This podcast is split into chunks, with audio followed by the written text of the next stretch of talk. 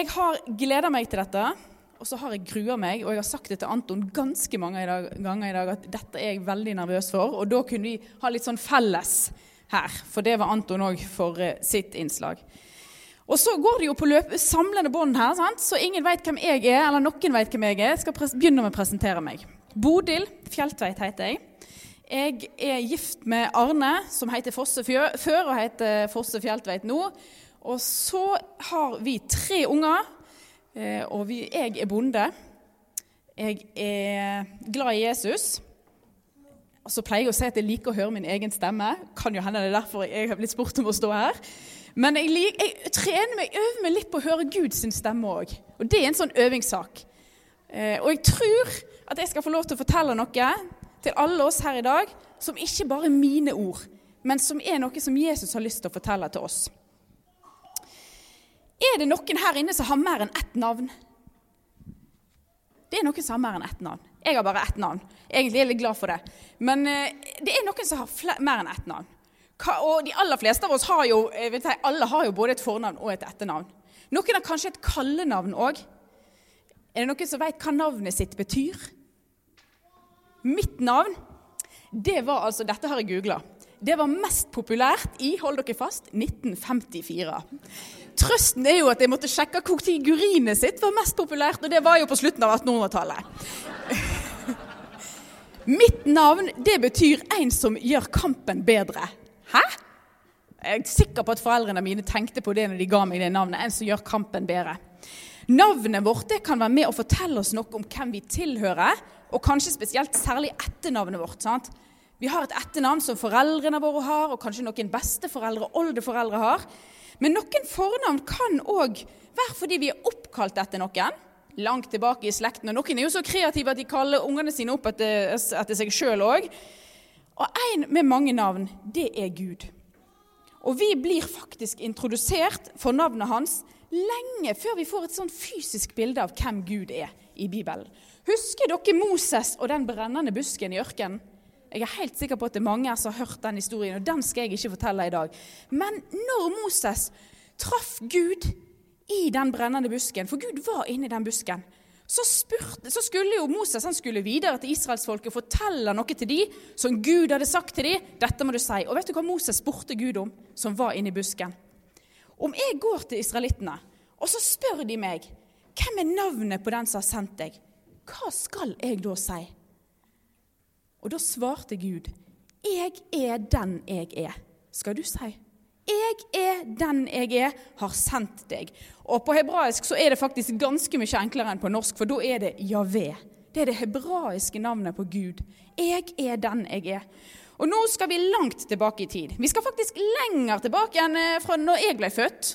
Og svigermor før hun ble født òg, ja. Eh, og vi skal faktisk så langt tilbake at det er før julenatten i Betlehem. Selv om vi skal faktisk ende i Betlehem til slutt. En av de viktigste profetene i Gamle Testamentet han fortalte om det som skulle komme. Det gjorde jo alle profetene. Profetene i Gamle Testamentet de, fortalte, de hadde et viktig budskap fra Gud som de fortalte til andre mennesker. Profeten Jesaja han levde 700 år før Jesus ble født. Da er vi faktisk 2700 år, for 2700 år siden, og lenger enn det. Og navnet Jesaja, når du leser det, for de som kan lese, så er det faktisk ganske likt som Jesus. Hvis dere hadde sett det og lest fort, så kanskje noen til og med hadde tatt feil.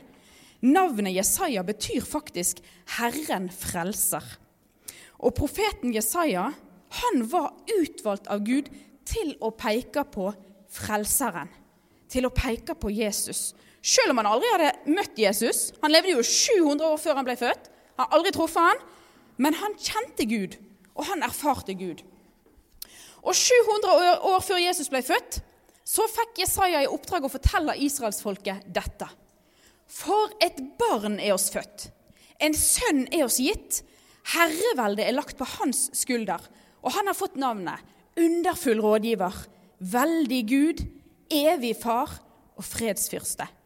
Og så hvis jeg, hadde, hvis jeg spør dere, hvem er det Jesaja snakker om?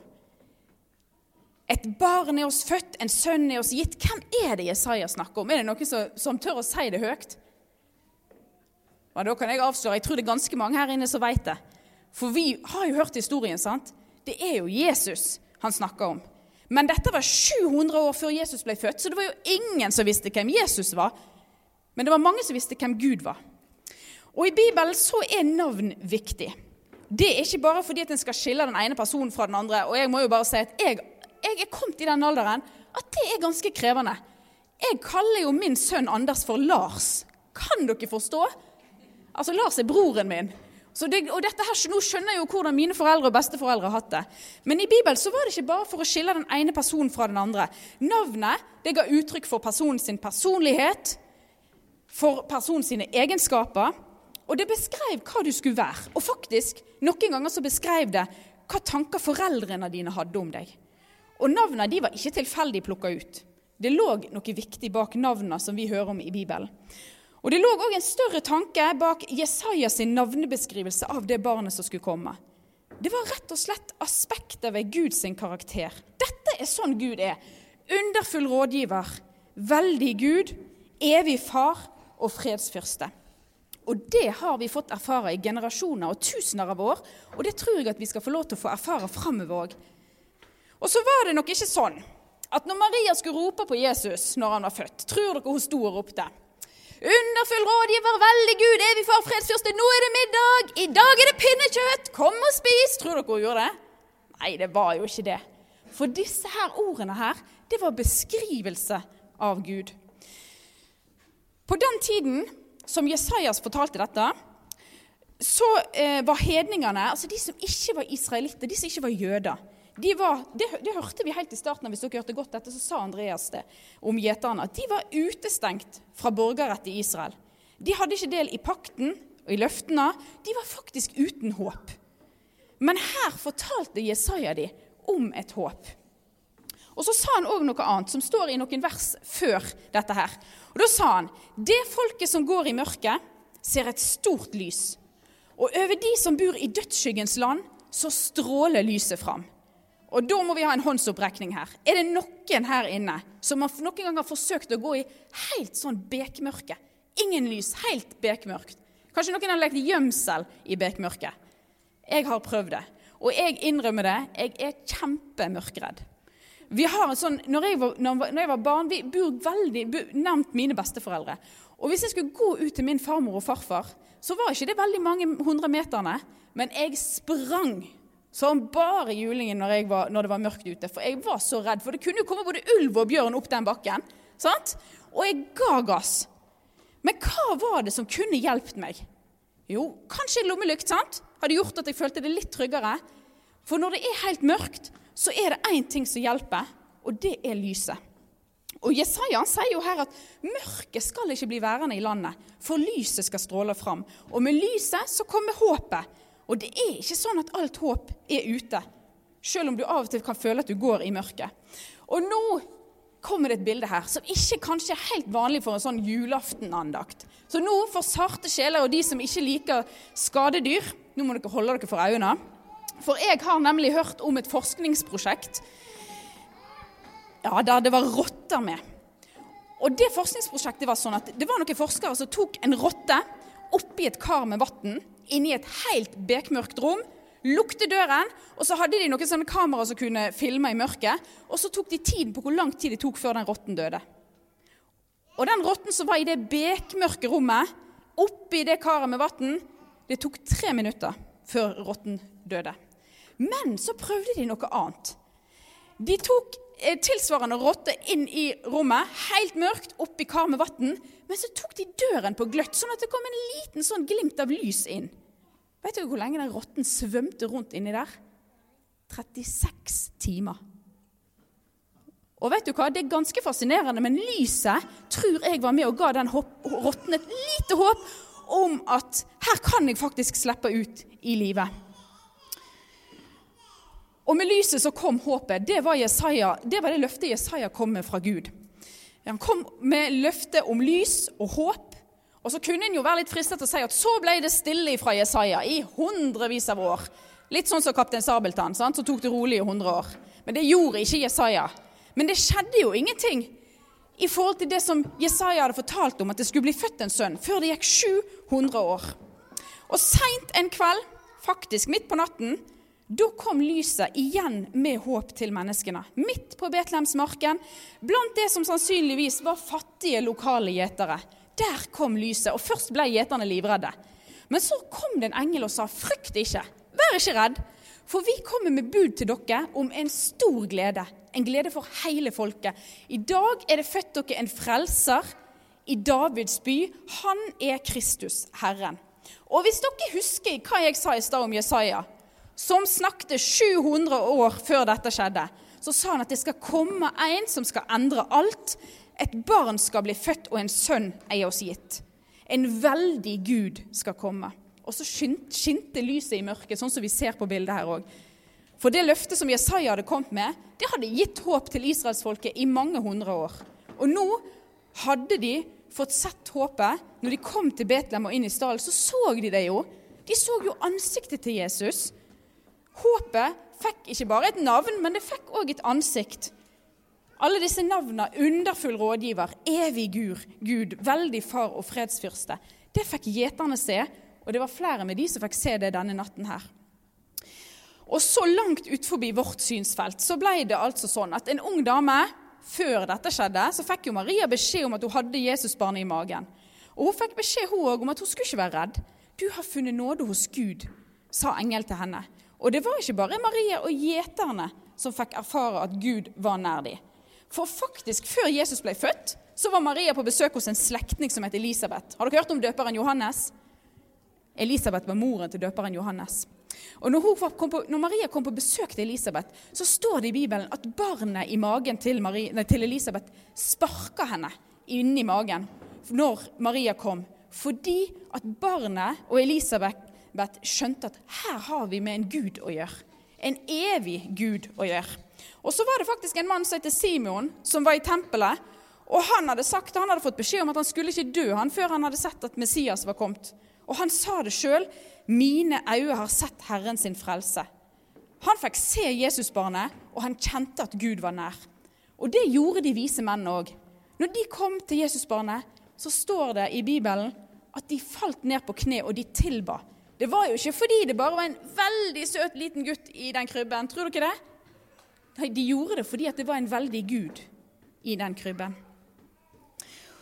Og nå skal dere få se noe stilig. For i Jesaja så leste vi det verset her om at det folket som gikk i mørket, det skal se et stort lys. Og så står det noe i Det nye testamentet. 700 år etterpå så står det dette. Det folket som bor i mørket, har sett et stort lys. Og over de som bor i dødsskyggens land, så har lyset strålt fram. Nå var det blitt oppfylt. Det som Jesaja sa, det hadde jo skjedd. Og I julen så er det sånn at det er veldig mange som strømmer til krybben for å se dette Jesusbarnet. Og alle tror jeg ser at det ligger en veldig søt gutt i den krybben. Men jeg er ganske sikker på at det er ikke alle som ser at det ligger en veldig Gud i krybben. Og akkurat sånn som lyset fikk den, den rotten til å svømme i 36 timer sant? fordi det ga håp, så kom håpet til oss mennesker med lyset denne julenatten. Håpet det kom med bud om liv, og det fikk de som var der julenatt, erfarer. Det har jeg fått erfare i mitt liv, og det håper jeg at dere her inne òg kan få erfare. Jesus han kom med håp om forsoning, med håp om et evig liv. Og så er det sånn at det er ikke alle som kjenner på håpet i disse dager. Det er ganske mange som har det vondt og tøft på ulike måter i dag. Og det kan være mange ulike grunner til det. Men noe av trøsten i julen sitt budskap, det er jo nettopp det at Jesus han veit hvordan det er å være et barn. Han veit hvordan det er å være en flyktning. Han veit hvordan det er å være på en ny plass, å være en minoritet. Han veit hvordan det er å være enslig og ensom. Han veit faktisk hvordan det er å være forlatt av sine aller nærmeste. Han veit hvordan det er å bli frista, hvordan det er å ha angst, hvordan det er å oppleve fysisk smerte eller bli avvist og angrepet. Han veit hvordan det er å være menneske, hvordan det er å være oss. Og så forstår han og forløse, for det står i Bibelen. Og han forstår og han forvandler. Et veldig flott barn og en veldig Gud. Og Helt til slutt så har jeg lyst til å spørre dere om det er noen her som har heimlengsel. Er det noen som, som av og til har kjent på at de kan ha hjemlengsel? Lengte hjem? Jeg husker jo faktisk at når jeg gikk på skolen, så lengta jeg hjem. Det var mye bedre å være hjemme enn på skolen. Er det noen som har det sånn når de er på skolen? Ja, sant? Det er mye bedre å være hjemme enn på skolen. Og når jeg er ute og reiser, så syns jo jeg at det er, hadde vært mye kjekkere å være hjemme med familien min, huset mitt og heimplassen min. Og Bibelen forteller oss òg om heimlengsel. Og det tror jeg at mange kan kjenne på innimellom. At vi kanskje lengter til en plass som vi ikke helt vet hvor er. Noen, og kanskje spesielt ungene, de kjenner jo veldig at vi lengter hjem. Men jeg tror at når en blir ungdom, og når en blir eldre, eller ikke bare tror jeg, for det, det viser forskning, det viser at vi lengter en plass vi kanskje ikke vet hvor er. I dag så har vi Tesla, og vi har iPhone. Kan faktisk hende det ligger noen under juletreet òg. Nå skal ikke jeg avsløre for noen hva som ligger. Vi har PlayStation, vi har dyre merkeklær. Men lykkebarometeret i Norge For det er sånn at vi kan måle hvor lykkelige vi er. Det gjør de faktisk. Lykkebarometeret i Norge det har stått stille, eller faktisk gått litt nedover de siste fem årene. Og verst er det blant de unge. Fordi at de peker på økt stress, det er lite mening med livet, de er lite fornøyd med livet, de er ensomme, engstelige nedfor. Og da kan en jo spør, stille spørsmålet hvem tilhører du? Hvor lengter du? Hvor, hvor hører jeg hjemme? Og julen forteller oss jo faktisk at vi hører hjemme i lyset hos Jesus. For der kan vi finne håp, trøst, fred og hvile. Og der finner vi òg et løfte om evig liv hos denne underfulle rådgiveren. Evige Gud, veldige Far, hos fredsfyrsten.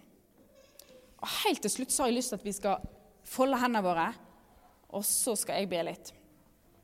Kjære Jesus, takk for at du er her midt iblant oss. Og takk for at du kom til jorden som menneske du har levd livet som menneske og kjenner på alt det som vi òg kan kjenne på innimellom. Takk, Jesus, for at du vant over døden og har gitt oss mulighet til å få evig liv. Og så ber vi deg, Jesus, for resten av denne julehøytida. Må du være med alle de som trenger det, og det er oss alle, Jesus. Og så trenger vi det så ulikt. Du ser eh, de som savner noen, de som har det vondt, de som er syke. Jesus, må du være nær oss alle sammen. Og må du velsigne oss, sånn at vi kan få være til velsignelse for andre. Amen.